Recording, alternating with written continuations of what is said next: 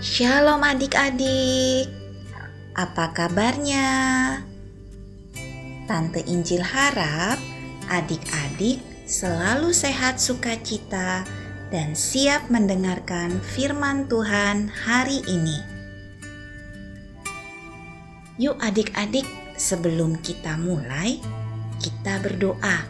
Tante Injil yang akan pimpin doa ya. Tuhan Yesus yang baik, saat ini kami mau mendengarkan firman-Mu. Tolong pimpin kami ya Tuhan. Terima kasih Tuhan Yesus. Amin. Pembacaan hari ini diambil dari Kisah Para Rasul 9 ayat 19b sampai 31. Kisah Para Rasul 9 ayat 19b sampai 31. Tante Injil yang akan baca ya. Kisah Para Rasul 9 ayat 19b sampai 31. Saulus tinggal beberapa hari bersama-sama dengan murid-murid di Damsyik Ketika itu juga ia memberitakan Yesus di rumah-rumah ibadat dan mengatakan bahwa Yesus adalah Anak Allah. Semua orang yang mendengar hal itu heran dan berkata, "Bukankah Dia ini yang di Yerusalem mau membinasakan barang siapa yang memanggil nama Yesus ini?" Dan bukankah ia datang ke sini dengan maksud untuk menangkap dan membawa mereka ke hadapan imam-imam kepala? Akan tetapi Saulus semakin besar pengaruhnya dan ia membingungkan orang-orang Yahudi yang tinggal di Damsyik karena ia membuktikan bahwa Yesus adalah Mesias. Beberapa hari kemudian, orang Yahudi merundingkan suatu rencana untuk membunuh Saulus.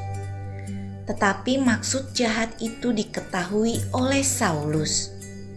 Siang malam, orang-orang Yahudi mengawal semua pintu gerbang kota supaya dapat membunuh dia. Sungguh pun demikian, pada suatu malam, murid-muridnya mengambilnya dan menurunkannya dari atas tembok kota dalam sebuah keranjang. Setibanya di Yerusalem, Saulus mencoba menggabungkan diri kepada murid-murid, tetapi semuanya takut kepadanya karena mereka tidak dapat percaya bahwa ia juga seorang murid. Tetapi Barnabas menerima dia dan membawanya kepada rasul-rasul dan menceritakan kepada mereka bagaimana Saulus melihat Tuhan di tengah jalan dan bahwa Tuhan berbicara dengan dia dan bagaimana keberaniannya mengajar di Damsyik dalam nama Yesus.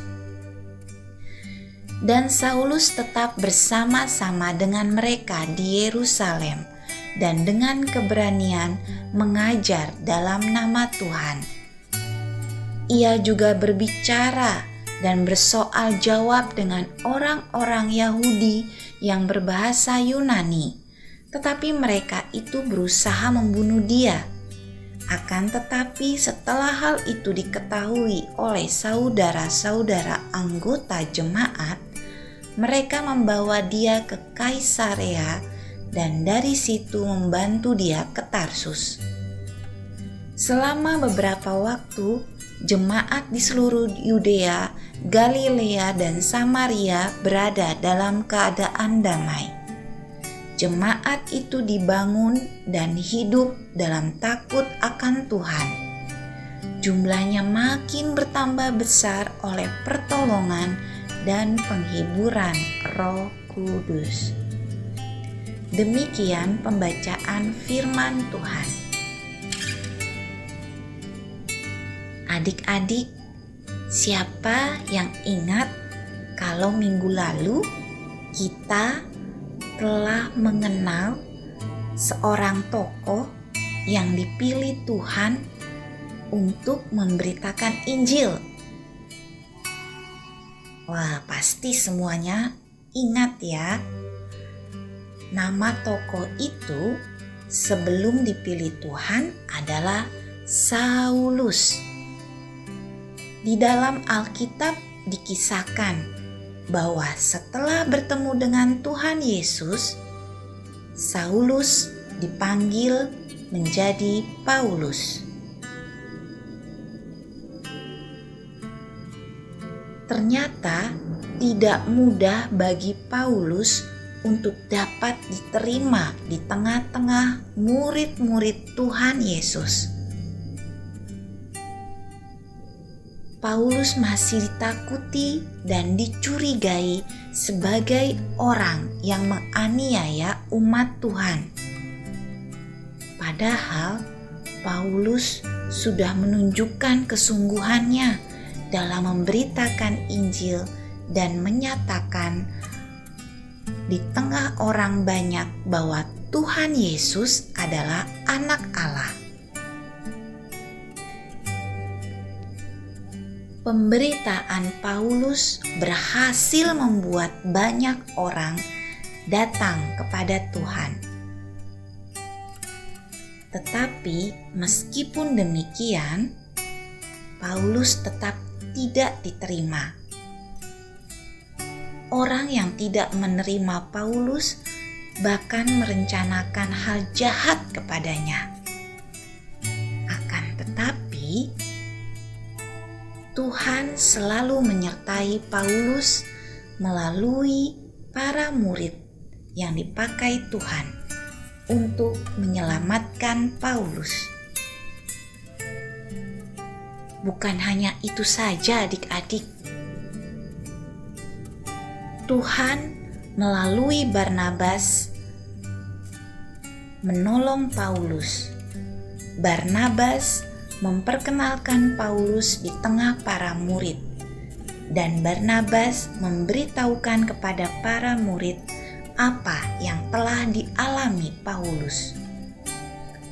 Wah, banyak sekali ya adik-adik penyertaan Tuhan Yesus pada Paulus.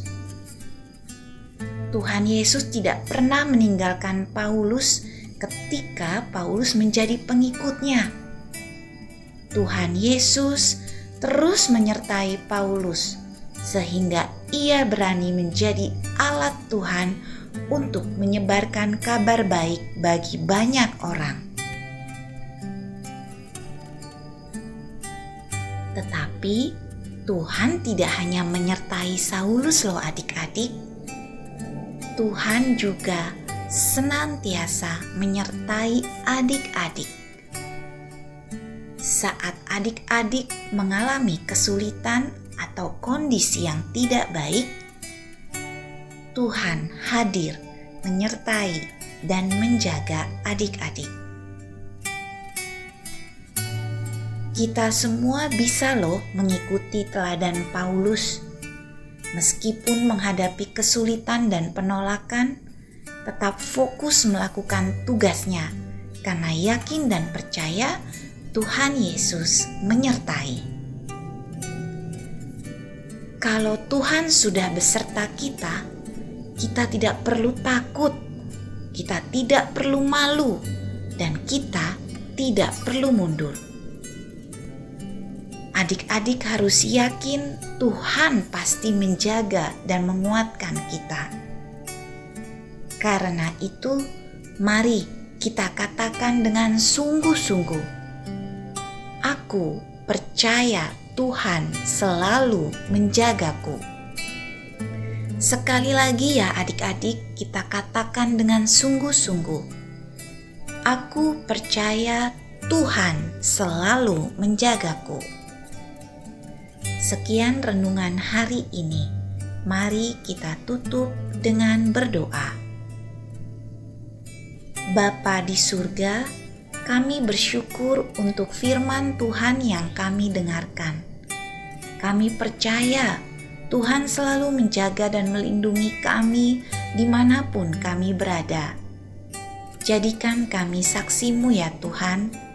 Terima kasih Tuhan, dalam nama Tuhan Yesus. Amin.